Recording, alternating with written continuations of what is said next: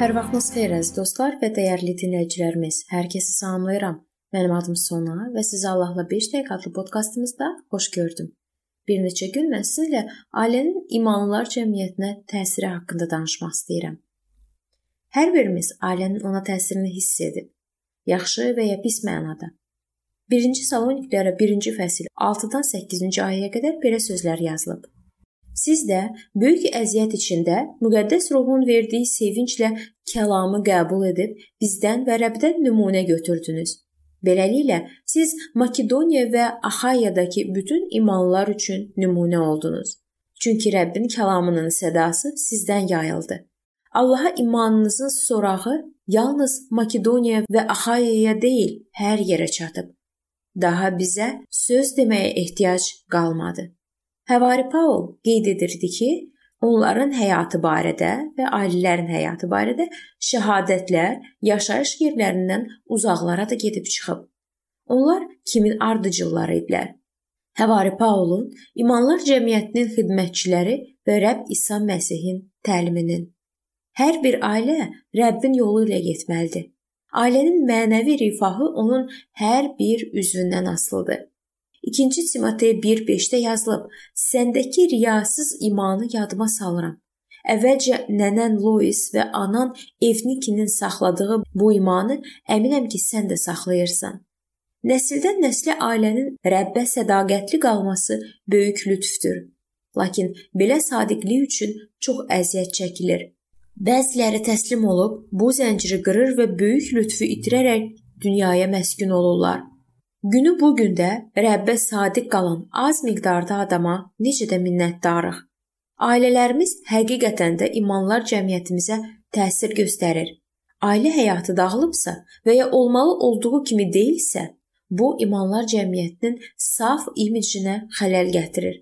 Möhkəm ailələr isə əksinə imanlar cəmiyyəti üçün bir xeyirduadır və xarici aləm qarşısında onun şəhadətini möhkəmləndirir. Bilirik ki, imanlar cəmiyyətinə təkcə ailə təsir etmir, icma da ailəyə təsir göstərir.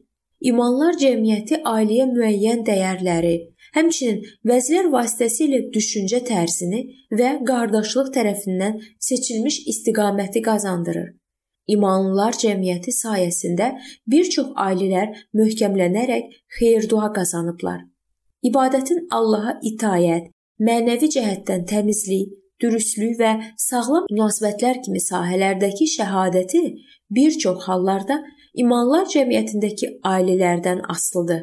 Ətrafımızdakı insanların bizim imanlar cəmiyyətinin dürüstlüyü haqqında fikirləri imanlar cəmiyyətindəki ayrı-ayrı ailələrin gündəlik həyatda nə dərəcədə dürüst olmaları ilə formalaşır. Bizim imanlar cəmiyyətinin dünyaya nə vəz etdiyini məhz bizim ailələrimiz nümayiş etdirir.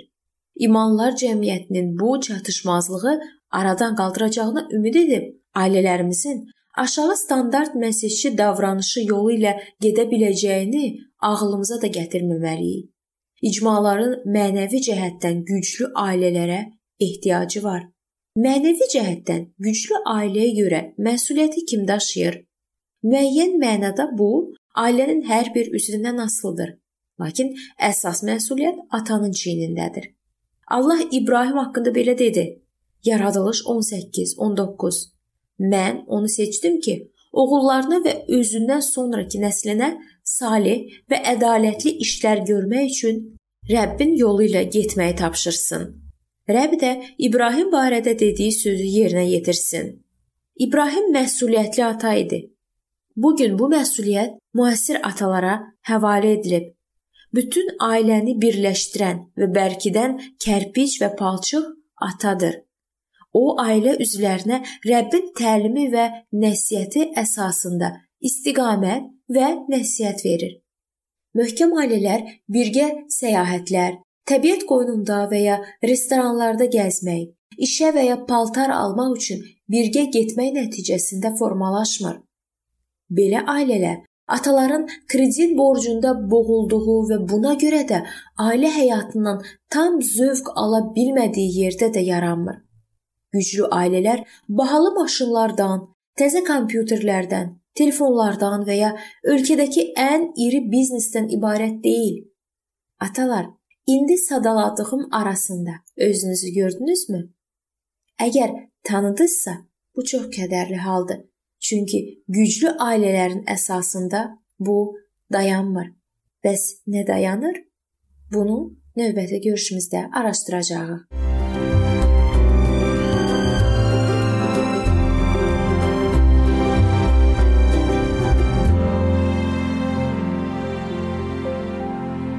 Beləliklə əziz dostlar, bu yerdə bu mövzu sona çatdı. Hər zaman olduğu kimi sizi dəvət edirəm ki, bizim podkastlarımızı Facebook səhifəmizdə və YouTube kanalımızdan dinləməyə davam eləyəsiniz. İndi isə mən sizinlə sağollaşıram və növbəti görüşlərdə görmək ümidi ilə. Sağ olun, salamat qalın.